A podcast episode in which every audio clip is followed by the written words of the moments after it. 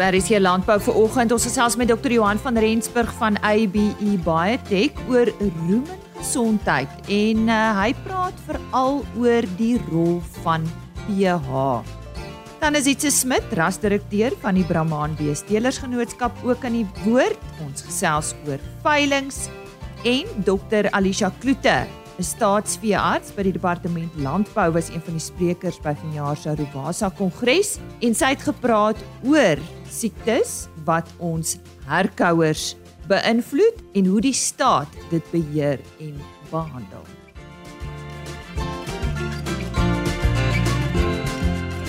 Dis dan tyd vir RSG landbou van my Lise Roberts. Goeiemôre. Vertrou jou naweek was goed en jou week by Nampo indien jy die hele week daar was, was vir jou 'n hoogtepunt. Kom ek vertel jou watter veilinge hierdie week plaasvind.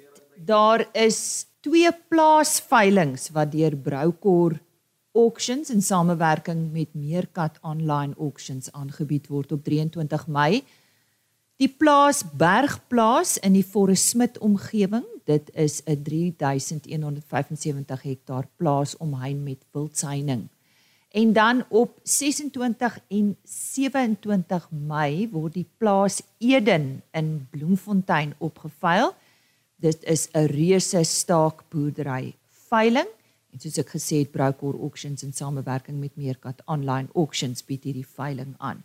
Op 26 Mei 'n veiling van Paul Maree wat bekend is vir sy bonsmaras bly ingeskakel. Ek praat so 'n bietjie later met hom. Dan ook op 27 Mei, dis Simlier Simmentaler veiling. Dit is by die plaas Forey in die Tabazimbi omgewing. Die aanbod is 20 Simmentaler bulle en 40 vroulike diere en ook 30 Simbra vroulike diere as kommersieel aangebied. Andre Kok en seun van Limpopo bied hierdie veiling aan en die afslaer is Mike Kalassi. En dit is dan hierdie week se veilingsnuus.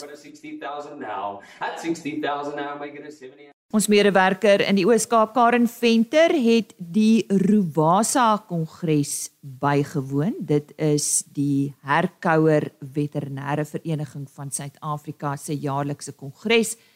Sy het met meeste van die sprekers onderhoude gehad en vanoggend hoor ons waaroor Dr Alisha Kloete, sy is 'n staatsveearts by die departement landbou gesels het. Kom ons luister. Okay, hallo Karen en hallo uh, luisteraars.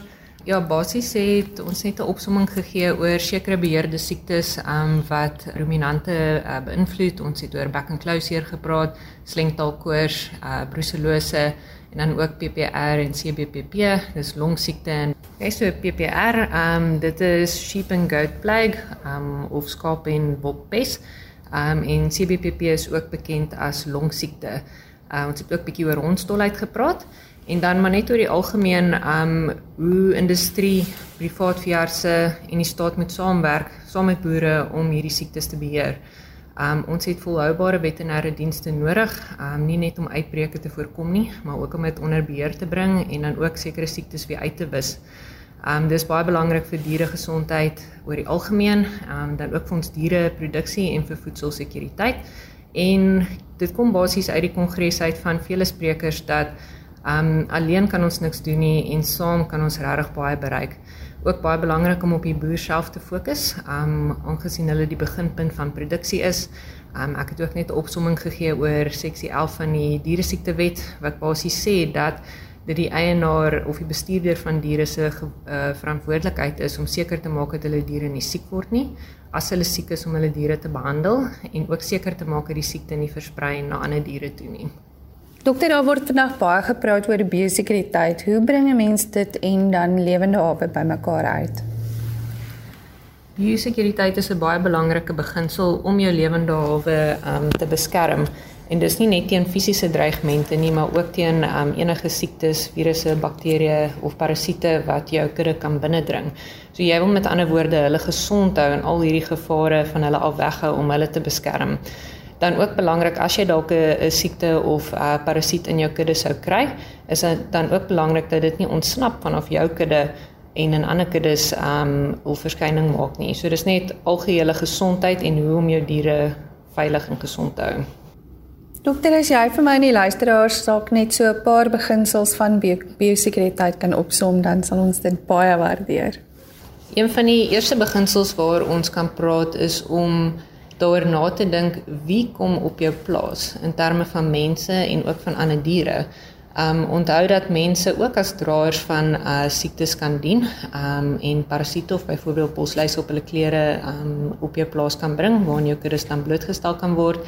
En dan ook byvoorbeeld as jy uh nuwe diere inkoop, waar kry jy jou diere vandaan? Maak jy seker dat hulle vir sekere siektes getoets het voordat jy hulle integreer in jou um huidige kudde? Um of het jy dalk 'n afsonderingsgebied waar jy hulle hou sodat jy eers kan seker maak hulle is gesond, hulle is getoets en hulle is geënt vir sekere siektes voordat jy hulle meng met jou diere. Uh so dis seker een van jou grootste beginsels. Uh jou enting is ook baie belangrik. Uh entingsprogram en dis om seker te maak dat jou diere beskerm is teen uh sekere siektes. Hier dink ons nou aan iets so slengtaalkoors uh as dit by die reenseisoen kom uh, wat deur jou muskiete oorgedra word. Ons dink aan iets soos brucellose waar jou verskalwers tussen 4 en 8 maande um geënt moet word om hulle te beskerm en dan ook met jou kleinvee ietsie soos bloutong opweens om gedurende die somermaande hulle te beskerm. En dan spesifiek as ons ook maar net dink aan die seisoene wat nou voorlê, Um in die somerseisoen is dit wanneer ons ons vektore kry, ons muskiete en ons muggies wat siektes so slengtaalkoors, bloutong, um parasiete oordra. Dit sal nou begin afneem uh, soos dit ons in die kouer maande ingaan, maar dan moet ons onthou dat ons siektes soos brucellose, tuberkulose, hondsdolheid, dit bly reg deur die jaar met ons. Um so dit wys jou ook biosekuriteit is nie net 'n tydelike of 'n seisonale ding nie. Jy moet altyd op jou hoede wees en seker maak dat jy jou kudde so goed as moontlik beskerm uh teen siektes wat 'n risiko in jou area is. Dokter en dan net so van die osopias, wat is jou groot belangstelling as veearts in veeartsenykunde? Ek stel regtig belang in die zoonotiese siektes en dis die siektes wat mense van diere af kan kry. So hier dink jy die een wat ek dink ons almal die bangste maak is iets soos hondstolheid wat vanaf honde oorgedra kan word na mense en wat 'n dodelike siekte is. Maar dan kry jy ook in jou plaasdiere kry jy brucellose, tuberkulose, slengtaalkoors. Dis al siektes wat diere primêr kry, maar as ons nou saam met hulle werk en byvoorbeeld met brucellose, tuberkulose as ons ongepasteuriseerde melkprodukte van geïnfekteerde kuddes gebruik, kan ons die siektes opdoen. So dit is vir my vreeslik inter interessant daar waar mense en dier kontak het met mekaar, die siektes wat oorgedra word van die een kant na die ander. Um ja, dis basies wat my heidaglik interesseer. Die stem daarvan Dr. Alisha Kloete en Karen Venter het tydens die Ruwasa Kongres met haar gesels.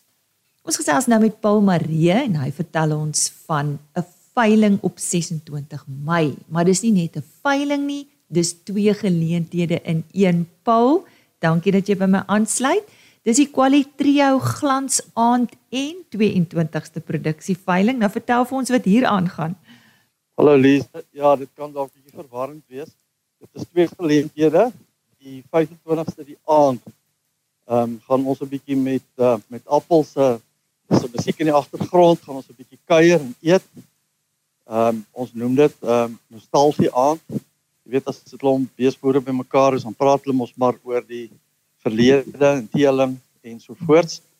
En uh, ons keer nou al lank skouer met baie mense en net ehm uh, meer teelers nie maar ook borgers. So uh, ons het dit goed gedink om vir jaar met ons 22ste veiling die aand voor die tyd so 'n uh, spesiale uitnodigings aan te hou. Mm kom ons gesels oor daai veiling. Dit is julle 22ste produksie veiling. So waar is dit en en wat is die aanbod? Ja, dis korrek. Dis ons 22ste produksie veiling. Dit is hier by my op die plaas, Vlakvlei, Viljoenskroon en uh ons het regtig vir jaar 'n uh, baie besonderse string bulle wat ons aanbied, uh net so meer as 40 bulle. En dan het ons ook meer as 300 kommersiële vroulike diere en net so 'n paar stoet uh verse wat ons ook aanbied. Die die claim of die fokus is vir jaar uh op die nageslag van die bil LR 14173 of sogenaamd Maestro. Ons het heelwat van sy nageslag bulle en dan nou ook die drie verse wat opgevou word onder die hamer kom op die 26ste. Is dit is dit ons Maras waarvan ons nou praat? Dis korrek, dis ons Maras al die pad. Daar sy. En jy's nog altyd 'n bons. Jy's nog altyd 'n bons Mara man. Ja nee. Hulle sê jy moet boer met die beeste waarvan jy hou. Daar sê, daar sê. Nou die wat belangstel um, om meer oor hierdie veiling te hoor, wat staan hulle te doen, Paul? Ehm um, hulle kan vir my of vir Benjamin of vir Vlei sentraal kontak mm -hmm. op al die advertensies in die media en ook langs die paaie sal hulle opmerk daar's telefoonnommers, maar hulle kan ook een van die webwerwe of Vlei sentraal of Bonsmara of my eie webwerf is net Paul Marie Bonsmaras kan hulle besoek en daar sal hulle ook al die nodige kontaknommers kry en relevante inligting. Paul, is daar ook 'n aanlyn opsie? Uh Lisa, ja, by Swiftvee kan uh kan die voornemende kopers aanlyn gaan bi. Maar uh, ons hoop ons sien hulle eerder die dag op ons veiling, maar indien hulle dit nie kan maak nie, maak gerus gebruik van daai goeie platform Swiftvee. Nou ja, so sê Paul Maria, hy het gesels oor die Quali Trio Glansaand. Dit is die aand voor, met ander woorde die 25ste Mei voor hulle 22ste produksieveiling. En hierdie veiling vind plaas uh, op sy plaas Vlakvlei daar in die Viljoenskroon omgewing. En soos hy gesê het, Paul Maria Bonsmaras, kyk gerus daar vir meer inligting of natuurlik op Vlei Sentraal se webtuiste want Vlei Sentraal bied dit vir 'n jaar vir hulle aan. Nou ja, dis altyd vir my 'n voorreg om met een van ons beestelers genootskappe te gesels en vandag fokus ons op die Suid-Afrikaanse Brahman beestelers genootskap en ons gesels met hulle rasdirekteur Zietse Smit. Zietse, waar staan Suid-Afrikaanse Brahman tans in ter, in terme van ons lede en beesgetalle? Goeiemôre. Goeiemôre Lise en um, om dan weg te spring, dankie vir die geleentheid dat ons weer eens by jou kry om 'n bietjie oor ons ras te gesels en ons is baie opgewonde daaroor. Ons is in 'n bevoordeelde posisie dat ons het um, op hierdie stadium 'n bietjie meer as 370 amper 380 lede ingeskryfde lede by ons genootskap. Ehm um, en dan ons diergetalle het so klein bietjie afgekom met die ehm um, herstelling van ons nuwe opgawes wat nou in Februarie maand plaasgevind het wanneer ons nuwe jaar begin. So ons is 'n klein bietjie af. Ons maar ons staan nog steeds op uh, bykans 55000 geregistreerde diere. Waarvan daar dan ongeveer so 36000 vroulike diere is, die ander is dan manlike diere. Ehm um, en dan jonger diere. Soos enige ras het julle ook maar seker julle uitdagings? Ja, ons is in die bevoordeelde posisie dat ehm um, ons ras is gewild as die ras wat wat by ander alles was. Ehm um, party mense noem hom die kruiskeel koning. Ehm um, maar uit die aard van die saak het ons binne in ons ras het ons dan eienskappe wat ons graag wil verbeter. En ons het baie keer 'n bietjie 'n negatiewe konnotasie wat aan ons ras gekoppel word deur die groter bedryf as ek dit so kan sê. En dit het beteken dat ons op 'n stadium 'n pertinente besluit gemaak het oor die tekortkominge of kom ons sê eienskappe wat minder goed is in ons ras. En een van die eienskappe wat ons dan in die afgelope 24 maande redelik ernstig mee begin werk het, is die vleiskwaliteit van ons Brahman ras. Ehm um, ons is in die bevoordeelde posisie dat dat ons het met die vorige 5, 6 jaar toe die BGP program aan die gang was, het ons met daai program het ons so ongeveer 210 diere kon toets waarvan die verspreiding van vleissagtheid wat dan gemeet was deur die sogenaamde Warner Bressler seervos toets vir ons gemengde resultate gegee het waarvan ons nou nie heeltemal so tevrede was nie, maar ongeveer 'n derde van daai diere het dan as baie sag of anderste dan hoë kwaliteit restaurantkwaliteit vleis uitgekom. Toe het ons in verlede jaar in 2021 het ons die bevoordeelde posisie gehad. Ehm um, u sal onthou dat op 'n vorige geleentheid het ons ook gepraat oor die boere in Limpopo wat so goed deelneem aan die fase C en fase D toets by die Buffalo Groei Sentrum en uit die groep boere het hulle toe vir ons 51 kalvers bekend gestel of beskikbaar gestel wat ons toe kon getoets het. Ehm um, en ons het die diere sonder enige bymiddels ehm um, en spesifiek in die geval sonder die gebruik van zulmol gevoer en toe het ons hierdie wonderlike resultate ontvang wat uit 51 diere het al 51 het met 'n 'n meting van 4.6 en minder getoets wat dan absoluut die hele toets as 'n uh, kleinhandelwaarde bevestig. Minder as 3.9 word beskou as restaurantkwaliteit. So dit was vir ons 'n baie opgewonde uit, uitkoms. Die voordeel van hierdie toets ook was dat ongeveer 33 bulle was verteenwoordig en die toetse is vir ons gedoen deur professor Arno Hugo van die Universiteit van die Vrystaat by die voedseldepartement. Toe het ons hierdie jaar uh vroeg in die jaar, einde verlede jaar begin Januarie het ons die toets herhaal um op 'n groepie boere wat in Natal 'n uh, groeitoets gedoen het, 'n uh, residuele feed intake toets of netto voer inname toets, soos die Afrikaanse woord gebruik. En daar het ons so 24 bulle laat slag.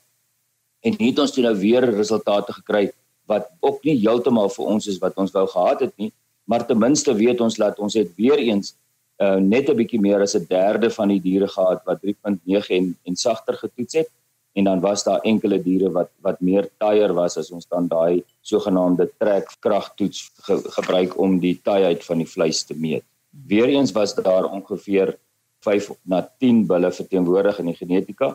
So wat ons dan hieruit kry en dan het ons ook 'n klein toetsie gehad van 'n privaat boer uit die Vrystaat uit wat ehm um, so ongeveer 15 diere laat doen het en hulle het ook almal baie sag getoets. Maar die heel belangrike ding wat ons hierso mee besig is, daar's 'n stelling wat in die bedryf rondloop dat diere met skowwe en dit sluit dan nou nie net Brahmane in die uit die aard van die saak het ons ook ander vriende in die bedryf uh, het sy dan nou sintetiese rasse of ander suiwer zeeboes wat beskou word as beeste wat sogenaamde tiervleis produseer net omdat hy 'n skof het. En ongelukkig is dit vir ons nie lekker om te hoor dat dat van die groter verpakkers en verbruikers binne in die in die in die bedryf en dan selfs van die uitgesoekte handelsmerke sê ons gaan nie die beeste koop nie of ons of daar's 'n weerstand by mense om die beeste te koop omdat hulle dan sogenaamd besewe beeste is of omdat hulle dan nou skowwe. Nou die interessante ding en dit is wat vir ons verskriklik baie belangrik is en absoluut uitstaan is dat in al twee die toetse wat deur die Universiteit van die Vrystaat voltooi is kon ons geen variasie gekoppel kry wat sê dat groter skowwe is gelykstaande aan tiervleis. Inteendeel, ehm um, volgens professor Hugo is dit heeltemal niks seggend nie bedoelende dan daarby ons het die skowwe gemeet ons het groter skowwe kleiner skowwe gehad en en en ons is dan by die goeie resultate op hierdie stadium dat ons werklik waar kan sê op op die stadium het ons nie 'n negatiewe effek daar nie. Wat ons wel vir mekaar moet sê is dat ehm um, in ander wêrelddele soos in Australië waar daar heeltemal op 'n ander manier met brahmaanbeeste geboer word, daar het hulle 'n pertinente metingstelsel in plek gesit wat wat wel dit bewys dat dat beeste met skowwe het sogenaamde tire vleis en dan het baie van die Suid-Afrikaanse verbruikers uh, organisasies het baie van daai navorsing gebruik as 'n verwysingsraamwerk en sê okay dit is hoe hulle dan nou dit gaan toepas en so genoem so dan prysbepaling gaan doen. Is ongelukkig so dat dit kos geld. Kos ons ongelukkig so in die omgewing van 1200 na tot 1700 rand per dier om die toetse te doen. Ons toets dan nou nie net vleissagtheid nie, ons toets ook ander wat ons elke keer deur die universiteit of deur die LNR laat doen net soos in die geval van die BGP projek. En ons gaan vir die volgende 3 tot 5 jaar gaan dit 'n jaarlikse projek word in verskillende streke om te sien of ons um, nog be nog beter resultate kan behaal. So dankie dat ons dit met julle kon deel. Ja, dankie vir daai bevestiging Zietse en ek is seker ons teelers is opgewonde daaroor en ek dink ons verbruikers of die publiek is dit is goed vir hulle om ook uh, hierna te luister. Kom ons gesels kortliks oor julle toekomsplanne. Waarop fokus julle? Ons is intussen tyd ook besig met die opskryf of die bevestiging van ons rasseverwysingspopulasie om die sogenaamde genotipering binne in ons ras te voltooi. Ons het uh, met die samewerking van Unistel en NewGen en dan veral en laaser met NewGen wat 'n laboratorium in Skotland is, uh, met ons heelwat diere weggestuur uh, om gegenotipeer te word saam met ons vriende uit Namibië is ons net oor die 2000 genotipes het ons nou gedoen. En ons verwag dat ons in hierdie jaar by 2500 sal uitkom. En dit gaan dan beteken dat ons in terme van ons teelwaardes wat ons vir ons ras bekendstel gegenotipeerde teelwaardes kan verskaf wat die akkuraatheid van ons teelwaardes baie sal verhoog.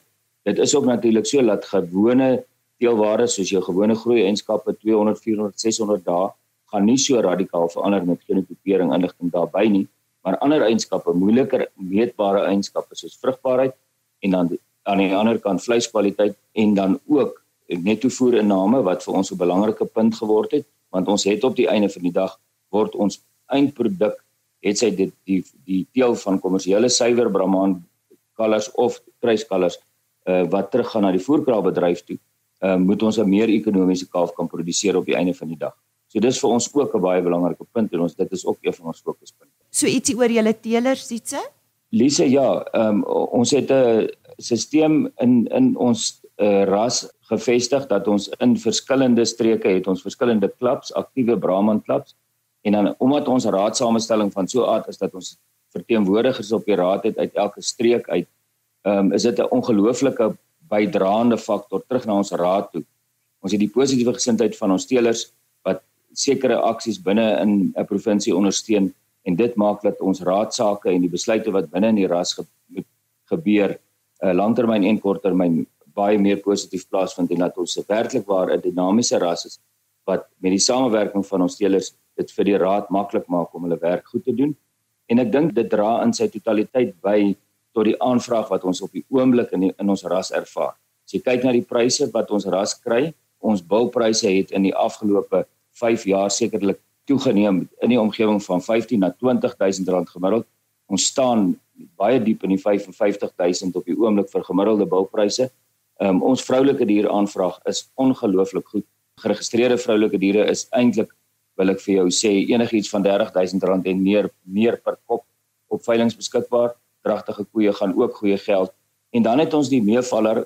Jy sal onthou dat ek verlede jaar met jou ook gepraat het oor ons hulpstamboek program wat ons afgestof het en 'n nuwe baadjie aangetrek het. Ons het ongelooflike belangstelling daarin en gereeld het ons nuwe teelers wat bykom met 'n span suiwer geteelde Brahman vroulike diere wat ons na kering weer toelaat en dit dra by tot die aanvraag vir ons bulle en dan ook die produk suiwer Brahmanverse wat daaruit geproduseer word vir die kommersiële produsent wat dan daai tipe verse wil gebruik om kruisdeling mee te doen wat dan op die einde van die dag ons pakket as 'n Brahman ras afsluit deurdat ons kan sê ehm um, dit is die ras wat die F1 kruising produseer wat gemeet in alle standaarde onoorwinbaar is en ten minste 25% groter wins produseer vir die kommersiële teeler wat dan met 'n F1 Brahman koei sou teel of dan nou terug na 'n suiwer Brahman wat op 'n kommersiële stelsel haar deel doen en haar lanklewendheid en haar aangepasheid maak dat sy 'n produksie eenheid bly vir ongeveer in die omgewing van 9 tot 10 jaar in 'n kommersiële kind.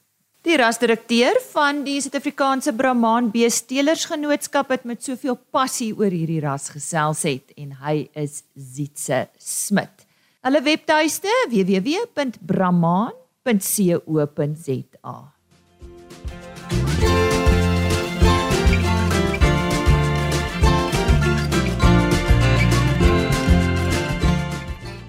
En nou gesels ons oor roem en gesondheid natuurlik belangrik vir mens en dier.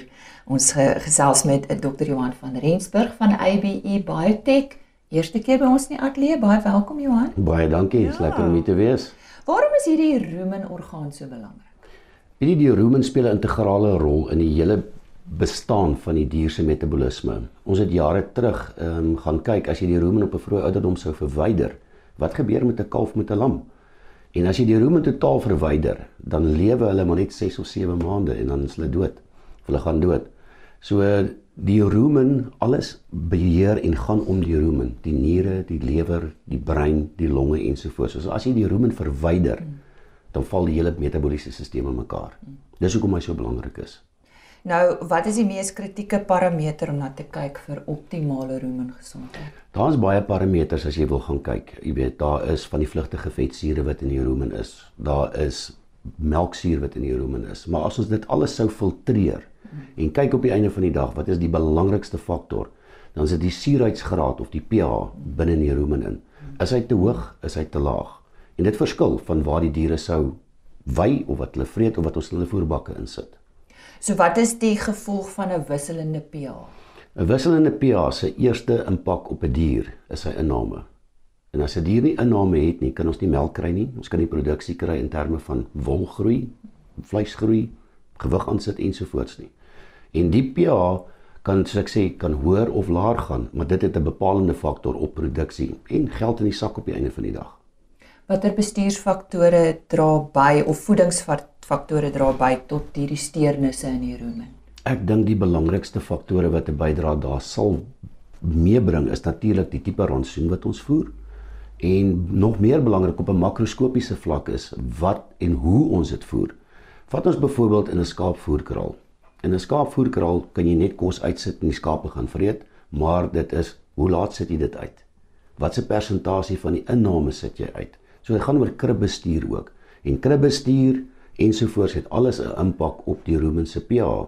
En dan natuurlik selfs weeromstandighede. Soos wat jy nou gesê het vroeër ook, jy weet, daar's wisselende weerstoestande, koue, hitte, baie reën in sekere areas en selfs dit het 'n dramatiese impak op die dier se pH. Wat ook 'n impak het, ons besef dit nie altyd nie, is wanneer ons rantsoen op kort kennisgewing verander. Kom ons vat weer 'n voorbeeld. Wanneer ons die oeye in die lamhokkies gaan sit en hulle gaan nou begin lam. Gewoonlik 'n paar weke voor die tyd, dit is al tweede natuur by ons boere. Hulle verander net die dieet na wat hulle nodig het om die in die lamptyd in te gaan. Maar ons besef nie altyd wat doen ons aan daai dier se pH nie in die rumen nie. En dit het 'n dramatiese impak. Mm. So is daar 'n manier wat ons hierdie pH in die rumen kan beheer of bestuur? Daar is, ehm um, daar's daar's 'n natuurlike manier natuurlik. Jy weet, die liewe Vader het die die die die die, die dier ook so ontwikkel dat sy eie speeksel 'n buffer aksie het. Om jou 'n voorbeeld te gee, wanneer skape of beeste, kom ons vat skape weer as 'n voorbeeld, wanneer skape op op op beeste byvoorbeeld op weiding is, dan sal hulle speeksel produseer en hulle produseer dan so 17 liter speeksel op 'n slag. Maar die oomblik as ons 'n rantsoen begin voer, dan kom daai 17 liter af na 4 liter speeksel toe. Nou binne in die speeksel is bikarbonaat.